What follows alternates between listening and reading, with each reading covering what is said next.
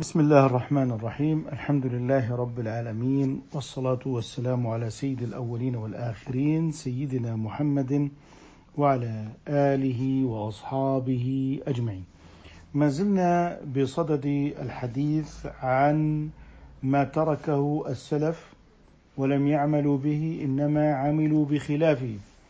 فالراجح هو ما عملوا به وأن تركهم هنا ترك مقصود وهذا الترك المقصود لا يجوز لنا أن نخالفهم فيه وأكدت على الفرق بين الترك المقصود أو الترك الذي له صفة اعتبارية في الوجود أن الصحابة عملوا على خلافه وبين الترك العدمي أو الترك العدمي المحض الذي لا يوجد له صورة وجودية. مثل أنه لم يستعمل الهاتف على سبيل المثال. الآن آه، ما زال الشاطبي رحمه الله تعالى يتكلم عن آه، وجود إطلاقات في الشريعة. الشريعة أطلقت ثم عمل السلف بهذا الإطلاق في وجوه. وهذا الذي عملوه هو فيما يتعلق بالتوقيف فيما يتعلق بأمر يعني لا يجوز لنا أن نزيد على نص الشريعة. والآن سيضرب مثالا قد يكون هذا المثال بحاجة منا إلى تركيز كبير وتدقيق واضح. وأن نجمع بين يعني قول الإمام الشاطبي في كتابه الاعتصام بما هو بدعة وما يقوله هنا في كتاب الأدلة وهو ما ليس عليه العمل. وكذلك أن نتكلم عن ما هو من باب المطلقات في النصوص الشرعية فالبحث في هذه المسألة التي سنتكلم فيها سيكون لها تشعبات عديدة. هذا التشعب موجود في كتاب الاعتصام موجود في كتاب الأدلة وهو ما ليس عليه عمل وموجود أيضا في كتاب عوارض الأدلة عنده فيما يتعلق بالمطلق. قال ومنه أيضا استدلال من أجاز قراءة القرآن بالإدارة يعني مما يخالف عمل السلف أولئك الذين أجازوا قراءة القرآن بالإدارة وذكر الله برفع الأصوات وبهيئة الاجتماع بقوله عليه الصلاة والسلام ما اجتمع قوم يتلون كتاب الله ويتدارسونه فيما بينهم. الحديث. والحديث الآخر ما اجتمع قوم يذكرون الله إلى آخره وبسائر ما جاء في فضل مجالس الذكر وكذلك استدلال من استدل في من استدل على جواز دعاء المؤذنين بالليل بقوله تعالى ولا تطرد تطرد الذين يدعون ربهم بالغداة والعشي وقوله ادعوا ربكم ادعوا ربكم تضرعا وخفيا وبجهر قوام الليل بالقرآن واستدلالهم على الرقص في المساجد وغيرها بحديث لعب الحبشة في المسجد بالدرق والحراب وقوله عليه الصلاة والسلام لهم دونكم يا بني أرفدة. إذا ذكر الشاطبي هنا أقوالا دينية وافعالا لم تكن في عهد السلف وافهاما دينية تدل عليها أدلة قولية نصية وهي تخالف ما كان عليه عمل السلف في هذا الباب كما هو الحال في الاجتماع في قراءة القرآن بالإدارة بمعنى أنت تقرأ السورة أنا أقرأ السورة التي بعدها وهكذا. هذا الباب دقيق جدا مما يمكن أن يفهم فيه الشاطبي بالجمع بين ما كتبه في البدعة وما كتبه هنا وما وما كتبه في الإطلاقات. الآن يتكلم عن القراءة بالإدارة بمعنى أن نجلس هذا يقرأ آية هذا يقرأ الآية التي بعدها أو انه نجلس مثلا في مسجد ونقرأ قراءة جماعية. مثلا هذا مثال آخر. يعني ما حكم القراءة الجماعية للقرآن الكريم؟ ونحن نرى في المغرب أنهم عادة بعد المغرب وبعد صلاة الصبح فإنهم يقرؤون حزبا من القرآن ويختمون القرآن في كل شهر في هذا الأمر. والإمام الشاطبي يستدل بذلك على ما سئل به أو ما سئل عنه الإمام مالك رحمه الله تعالى وسئل عن القراءة في المسجد فقال لم يكن بالأمر القديم. وإنما هو شيء أحدث. ولم يأتي آخر هذه الأمة بأهدى مما كان عليه أولها والقرآن حسن. هذه عبارة مالك. قال لم يكن بالأمر القديم يعني لم يكن من عمل الصحابة وإنما هو شيء أحدث اللي هي القراءة بالإدارة. قال وأكد مالك رحمه الله تعالى أن هذه الأمة لن تأتي بأفضل مما كان عليه السلف الصالح وأكد على أمر مهم قال والقرآن حسن. إذا هذا الكلام للإمام الشاطبي وهذا هو نص مالك في هذا الموضوع. ماذا يقول ابن رشد؟ يتكلم عن هذا الذي تكلم فيه مالك انظر إلى الشارح. قال وهو كلام ابن رشد. يريد أن أي مالك في قوله هذا يريد أن التزام القراءة في المسجد بإثر صلاة من الصلوات أو على وجه ما مخصوص حتى يصير ذلك كأنه سنة. بمعنى إحنا أضفنا سنة جديدة وأضيفت إلى الشريعة. ثم قال قال كما ما كما يفعل أو كما يفعل بجامع قرطبة إثر صلاة الصبح فرأى ذلك بدعة من حيث ماذا؟ هل هو من حيث القراءة أم من حيث أن يجعل سنة بعينه ويضاف إلى الشريعة وأن يقال هذا سنة فعند ذلك ما كان مشروعا بالإطلاق أصبح عليه قيد أنه سنة وتقييد ما أطلقه الشارع بدعة. اذا ذكر الإمام ابن رشد وهو أعلم الناس بالمدونة وهو أعلم الناس بأقوال مالك يقول لك إنها تكون بدعة بناء على قول الإمام أن تضاف إلى الشريعة على وجه مخصوص حتى تصبح كالسنن المسنونة. إذا أنتم سننتم سنة جديدة. ثم قال ابن رشد وأما القراءة على غير هذا الوجه فلا بأس بها في المسجد. ولا وجه لكراهيتها. لماذا؟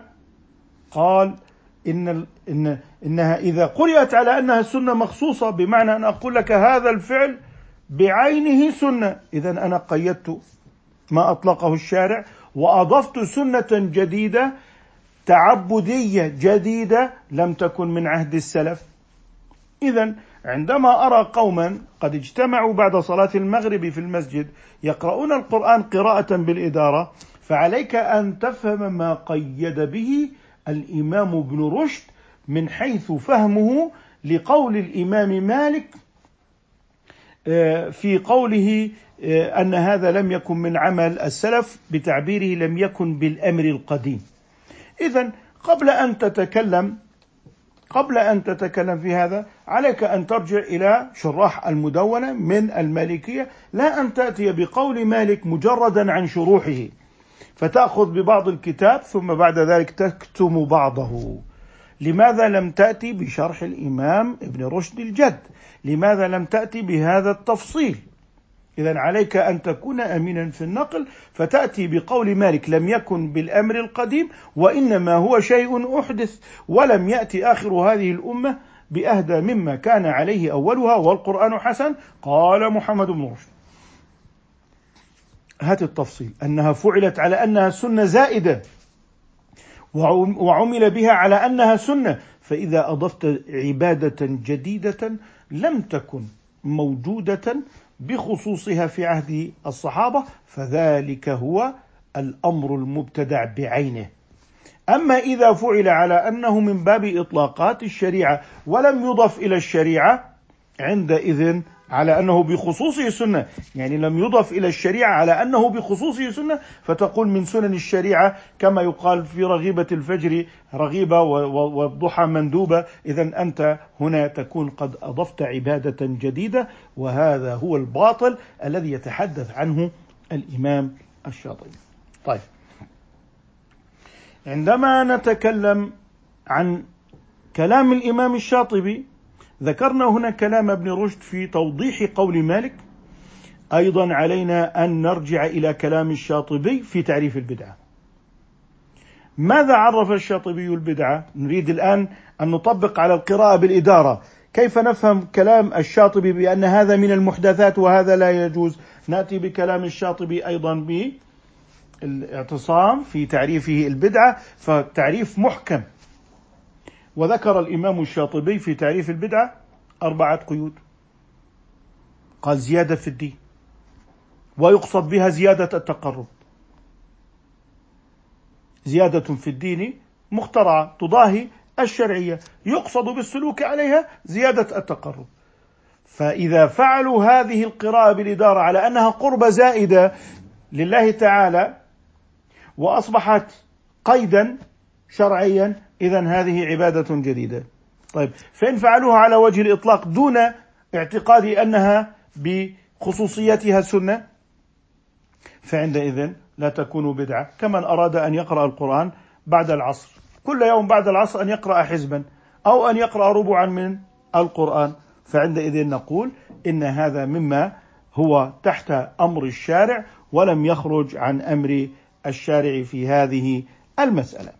إذا كلام الإمام الشاطبي كلام الإمام الشاطبي في هذه المسألة هو مبين بيانا واضحا سواء إذا أخذ تعريفه للبدعة في كتابه الاعتصام وإذا بينا كلام الإمام ابن رشد الجد في البيان والتحصيل وأيضا نأتي آه، بشراح الموطأ وماذا قالوا في مثل هذا في من يجتمعون فيقرؤون في السورة الواحدة كما ورد اللي هو كما يعمله أهل الإسكندرية وهي التي تسمى القراءة بالإدارة. فكره مالك وقال لم يكن هذا من عمل الناس ووجه ذلك الكراهية للمباراة في حفظه والمباهاة بالتقدم فيه. هذا كلام الإمام الباجي في المنتقى كلام الإمام الباجي في المنتقى وأن كلام الأئمة عندما يتكلمون في هذا أن الكراهة كانت مقيدة بقيود وليست على وجه الإطلاق في هذا آه، الباب. إذا عندما نتكلم عن الأئمة وما ينقل من كلام الأئمة في هذا الموضوع آه، علينا أن نتبين أن للأئمة آه، تلاميذ وشراح يتابعونهم في أقوالهم ويعرضون أقوالهم على أصولهم وقواعدهم وعلى مذهبهم فيخرجون بهذه الدرر ويخرجون بهذه القيود.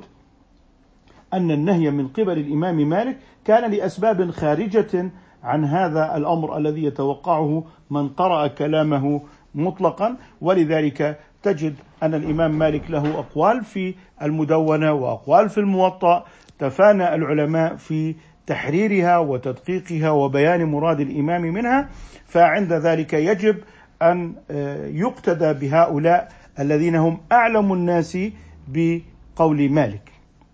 كذلك آه، يعني هناك من يعلل قول الإمام مالك في قوله إنما كرهه مالك لأنه أمر مبتدع ولأنهم يبتغون به الألحان على نحو ما يفعل في الغناء فوجه المكروه في ذلك بين. إذا آه هذا الفهم من قبل آه الأئمة الجهابذة هو المقدم على آه طريقة القص واللصق وبعد ذلك توجيه هذه الأقوال نحو حزب أو جماعة أو أغراض معينة ثم ترتد على اتهام هؤلاء الأئمة من تلاميذ مالك ومن أعلم الناس بقول مالك على أنهم قد خالفوا مالكا. لا هم قد فهم هم قد فهموا مالكا. الفهم الصحيح لعلمهم بأصوله وقواعده وبما هو عليه مذهبه آه، عرفوه في كل أبواب الفقه. وهؤلاء طارئون أي يعني المحدثون طارئون على الشاطبي وهم طارئون على آه، مذهب مالك. وعليهم أن يفقهوا وأن يفهموا مذهب مالك بحسب ما شرحه الشراح. اذا فيما ينقل عن عن الإمام مالك بالذات فيما يتعلق بالقراءة بالإدارة بينته وقلت إن آه، كلام الشاطبي يتقيد بقوله في المطلق ويتقيد بقوله في كتاب الأدلة هنا ويتقيد أيضا بقوله فيما يتعلق بتعريف آه، الإمام الشاطبي للبدعه فلذلك هذه الأمثلة التي ذكرت إن فعلت على وجه التعبد وعلى أنها سنن مضافة إلى الشريعة فيكون عند ذلك زيادة في الدين لم تكن موجودة في أمر توقيفي فأنت تقول في آه، هذا آه، أو في هذه القراءة بالإدارة على أنها سنة بخصوصها أو أن تدعو في الليل بقوله ولا تطرد الذين يدعون ربهم بالغداة والعشي أو تقول ادعوا ربكم تضرعا وخفيا فإذا فعلته على أنه على وجه أنه سنة مخصوصة فقد زدت عبادة من العبادات كما لو قلت آه، يندب لك على وجه الخصوص أن تقرأ حزبا من القرآن بعد صلاة العصر أو بعد صلاة المغرب ثم تضيف ذلك على أنه بخصوصه يكون سنة. إذا هناك هناك دقة في التعبير في هذا الموضوع وهناك توضيح بأن صاحب البدعة يضيف بدعته إلى الدين. يضيف بدعته إلى الدين فيقول هذا سنة بمعنى أنه بخصوصه كما لو كان آه، يعني أراد أن يضيف عبادة من العبادات وفيه إضافة وزيادة على الشارع. اذا فيه زيادة على الشارع. وهذه الزيادة على الشارع باطلة كل البطلان. وبناء عليه نفهم أن أقوال الإمام مالك آه، تطبق عليها أصوله وأن أصول الإمام هي قيود على أقواله وأن يجمع بين هذه الأقوال والأقوال الأخرى وأن ترتب هذه الأقوال أيضا تحت العلل وهذا شأن النظرة الكلية في الفقه ويبين لنا ذلك بطلان التفكير الجزئي الذي يقص عبارة ويلصقها هناك ثم يأتي بعبارات أخرى ويلفق بين هذه العبارات بطريقة تتوافق مع فكره الخاص وبعد ذلك مع الأسف يدخل على المغالطة لأهل المذهب العارفين بأقوال إمامهم ونذروا أنفسهم وليلهم ونهارهم في دراسة أصوله وقواعده وعلله وأحكامه فيصبح هؤلاء الأئمة يعني عرض لهم عارض من الأخطاء بسبب مغالطة هؤلاء المتأخرين. حتى ربما يخطئ الإمام مالك وهو من العوام من باب المغالطة وبعد ذلك يقول آه، ليس الإمام مالك معصوما آه، ويقول إن آه، كل يؤخذ من قوله ويرد ويستدل بقول مالك على عزل مالك ثم يقال نحن والله نحبهم ولكن الحق أحب إلينا منهم. وهذا كله في القراءات الجزئية التي تأخذ بعضا وتترك بعضا آخر. ومن هنا نأتي إلى أن مشكلة التفكير الجزئي الذي يأخذ القول في أصله ثم يدع عوارضه. بمعنى هناك تفصيلات لقول الإمام بينها آه، العلماء باعتبار أنهم درسوا مذهبه كله درسوا مذهبه جميعا. وبناء عليه عندما يدرس الإمام الشاطبي من خلال كتاب الأدلة في الأدلة الكلية ثم عوارض الأدلة في المطلق والمقيد ويدرس الإمام الشاطبي في الاعتصام وبعد ذلك تتضح آه، الصورة أن الإمام الشاطبي عندما يقول مما تركه السلف هناك عمل وهذا العمل مستمر وهذا العمل خطاب له صفة وجودية لأن له وجها في العمل بكتاب وسنة ومن ثم فإن هذا الوجه العمل المستمر الذي هو السنة المتبعة التي عليها السلف الصالح هو الدين وهو المحكم الذي ترد إليه المتشابهات من الروايات وعند ذلك تكتمل الشريعة في ترتيب جزئياتها تحت كلياتها وينضبط لدينا فهم النصوص الجزئية وعندئذ نفهم أقوال الأئمة سواء كان الإمام مالك أو أحمد كلهم من هذا الطريق ملتمس لا أن يأتي أحدهم على ما اتفقت عليه المذاهب الأربعة ثم يقول لا دليل عليه. كيف يكون لا دليل عليه وعمل الأمة مستمر من أقصى مشرقها في أفغانستان وكابل وبلخ إلى الأندلس وأئمة السنة والحديث والفقه والأصول واللغة آه، يعني آه، مستمرون على قضاء الصلوات المتروكة عمدا. لذلك هذه الحالة العامة التي تريد أن تبحث عن الدليل في كتب الرواية، فإن لم تجده في كتب الرواية قالوا لا دليل عليه، اذا هناك إشكال في فهم ما هو الدليل.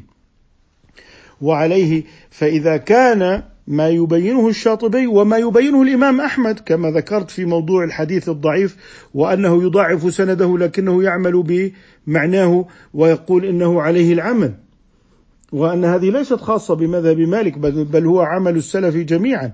عندما يقول الإمام آه، مثلا أحمد رضي الله عنه بأن الجورب الرقيق لا يمسح عليه ولا بد أن يكون الجورب مما يمكن متابعة المشي عليه في السفر. ويشترط لهذا شروطا.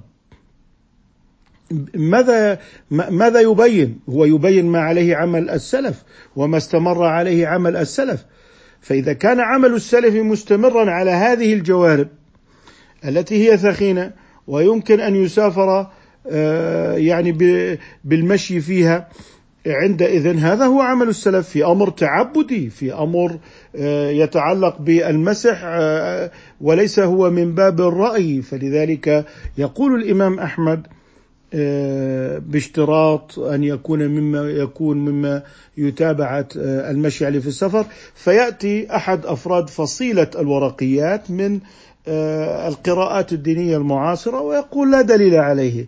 وماذا يقول في هذا الدليل الذي تواتر عليه عمل السلف؟ الذي تواتر عليه عمل السلف. من السلف يعني إما أن يمسح على الخف المجلد كما هو مذهب مالك أو الجورب الثخين الذي فيه صفات زائدة أما هذا الجورب الرقيق فليس عليه عمل. والأمر تعبدي لاحظ أن الأمر تعبدي ويتكلم الإمام الشاطبي فيما ظهر أنه توقيف. فالمسح على الخف توقيف. فلماذا قال لا دليل عليه؟ لأنه جحد العمل المستمر من السلف. والإمام أحمد عندما يقول بهذا الشرط لم يأتي به من عنده ولا هو من بنبنيات أفكاره. لم يأتي ليضيف إلى الدين شيئا ليس منه. والذي يقول في الدين قولا لا دليل عليه هذا لا يكون اماما هذا يكون مفتريا هذا يكون محدثا في أمور الدين. لذلك آه، غلبت آه، طريقة الورقيات في التدين. بمعنى أنني أقتني مكتبه فيها دواوين السنة ثم آتي لأدرس مذهب مالك فما وجدت دليلا على هذا دليلا مرويا. لا نقول لك ارجع وراءك ارجع وراءك. أنت جحدت العمل المتبوع للسلف أنت جحدت السنة العملية التي هي المحكم. فإذا جحدت المحكم فلن تتضح لك الشريعة لأنك إذا ذهبت إلى كتب, كتب الرواية وجدت أن ما فيها هو ما صح عن النبي صلى الله عليه وسلم وليس ما عليه عمل الأمة. فعند ذلك آه، يقول لك لم يصح في هذا شيء لم يثبت في هذا شيء بينما عمل الأمة المستمر من لدن الصحابة من بلخ في الشرق إلى الأندلس في الغرب عمل الأمة مستمر على هذا الأمر كالوضوء في الطواف أو زكاة عروض التجارة. يقال لك هذا حديث ضعيف. أدي زكاتك يا حماس. آه، هذا حديث ضعيف. طب وعمل الأمة في عروض التجارة؟ عمل الأمة في زكاة الديون؟ عمل الأمة في مسافة القصر في الصلاة؟ هذه ليست فيها روايات. قال فلان عن فلان أو حدث فلان عن فلان. لذلك خطورة الخلل الكلي في فهم ما هو الدليل وتوهم أن الدليل هو ما في هذه الصحف أو هذه الأوراق بينما عمل الصحابة في العراق وعمل الصحابة في آه، المدينة والعمل المستمر في المدرسة الفقهية التي هي أصلا سابقة على آه، رواية الحديث وتدوين السنة. ثم بعد ذلك يقال عما يقوله أحمد وما يقوله أبو حنيفة والشافعي ومالك في المذاهب المتبوعة لا دليل عليه. ثم يتصور خطر أكبر أن آه، الإمام مالك يروي حديثا في الموطأ ليس عليه العمل فيقولون هذا هو مذهبه كما هو الحديث في القبض. هذا هو مذهبه اذا يرويه اذا هو مذهبه. هناك طامة أكبر. طيب والعمل آه، في غفلة منه عندما يسأل الإمام مالك عن القبض فيقول لا أعرفه وهو يرويه في الموطأ. كيف يكون لا يعرف وسنده مداره على مالك؟ إنما لا يعرفه من العمل. أي ليس عليه العمل. هكذا يفهم الإمام مالك. لذلك هذا هو المعتمد في المذهب السدل وليس القبض لا يمكن أن يفهم مذهب مالك دون الإحاطة بمنهج الإمام مالك في أن أقواله أثر لأنها مأخوذة من عمل الصحابة والتابعين وأن هذه الإقامة هكذا أقيمت وهكذا صلي وهكذا زكي وهكذا حج الناس. بعضهم يقول لك الحج مفردا لا دليل عليه. لا أجد دليلا على الحج مفردا في الأوراق التي أقلبها. لكن الحج مفردا فعله الخلفاء الأربعة وهو مدون في المذاهب المتبوعة. إذا نحن أمام إشكالية جديدة في التدين. هذه الإشكالية هي عدم وضوح ما هو دليل. فيظن أن الدليل هو حكاية وبالتالي حول التدين إلى حكايات وجاء على المدرسة المتبوعة والعمل الذي عليه السلف وجحده وبعد ذلك تشابهت عليه أدلة الكتاب والسنة فجحد زكاة التجارة وقال أخرج كيفما يكون أي مال يعني ولا ولا يجب عليك أن تخرج على النحو المعروف في المذاهب المتبوعة أو آه، موضوع الحج مفردا لأنه لم يذكر برواية وبالتالي نحن هنا عندما نتكلم في عمل السلف على النحو الذي يذكره الإمام الشاطبي هو ذكره أنه ليس دليلا هو دليل الأدلة. يعني لاحظ عندما يتكلم هنا في كتاب الأدلة ثم بعد ذلك ذهب يتحدث عن الأدلة في مطلق الدليل والدليل العام. هنا يتكلم عن دليل الأدلة وهو العمل. ولذلك التبس على أن العامة اليوم الذين تقطعت بهم السبل بينهم وبين السلف الصالح بسبب أنهم قطعوا ما أمر الله به أن يوصل وهو هذه المذاهب المتبوعة التي ترصد عمل السلف وما كان عليه قضاؤهم وما كان عليه فتواهم وظهور حالة التدين الجزئي. بمعنى تفكير جزئي آه، هذه كلمة وجدناها هناك وتحويل التدين إلى حكايات حكاه فلان وقاله فلان ورواه فلان آه، ثم بعد ذلك الأدهى والأمر أن يقال هذا مذهب أهل الحديث. إن لم يكن مالك هو أهل الحديث فمن يكون؟ إذا لم يكن الإمام أحمد هو أهل الحديث فمن يكون وهو يقول بقضاء الصلوات المتروكة عمدا ويقول بعدم دخول الحائض المسجد لأن هذا الذي عليه عمل الفقهاء وإن كان الحديث ضعيفا واهيا في موضوع دخول الحائض المسجد فأذنوا لها بالدخول في المسجد مع أن العمل في المذاهب المتبوعة أنها لا تمكث في المسجد بالمرة.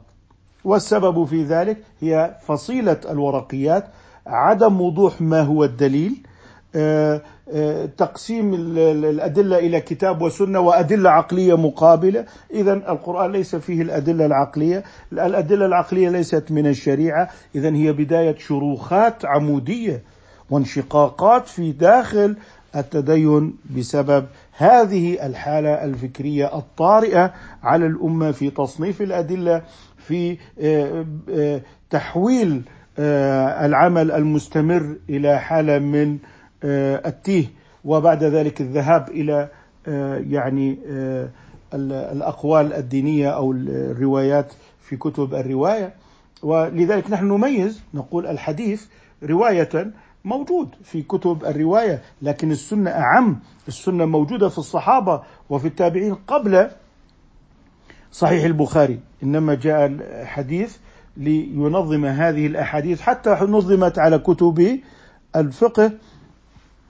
على أصول معينة فالترمذي يرتب أحاديثه ويبين أن هناك أحاديث ضعيفة عليها العمل، هناك أحاديث صحيحة ليس عليها العمل، لاحظ أن آه، هؤلاء المحدثين يعني كانوا يصنفون كتب كتبهم حسب المدرسة الفقهية وحسب أقوال الفقهاء ورتبوا كتب الحديث حسب الفقه. وبينت لك طرفا من إمام أهل الحديث وإمام السنة الإمام أحمد أن الجميع مجتمع على هذه المحجة البيضاء وهو ما كان عليه العمل خلافا لمن آه، أساء فهم الدليل من المعاصرين وأراد أن يقرأ آه، الحديث قراءة معاصرة وأن يتجاوز عمل الأمة الموجود في المذاهب المتبوعة فكان ذلك وبالا عليه وعلى دنيا المسلمين وعلى دينهم وتفرق الناس واشتد تفرقهم بسبب هذه الشروخ العميقة في فهم ما هو الدليل وما هو المتشابه وما هو المحكم وما هو عمل السلف. فانظر إلى ما ذهب إليه الشاطبي وقسمه. قسم كثرة العمل وقلة العمل وما ليس عليه العمل وأتى لك بهذه التفاصيل الدقيقة وبعد ذلك بينا ما قاله في الاعتصام في تعريف البدعة وما يمكن أن نأتي إليه في موضوع المطلق وهو أنه لا يجوز تقييده بينما هنا ذكر تقييد المطلق بما هو أمر توقيفي فإذا كان المطلق عمل به في وجه من وجوه التوقيف فلا يجوز عندئذ بحال مجاوزة ذلك التوقيف كما بينته لك. آه هذا ما أردت أن أؤكده في فهم هذه الأدلة الشرعية. سبحانك اللهم وبحمدك نشهد أن لا إله إلا أنت نستغفرك ونتوب إليك.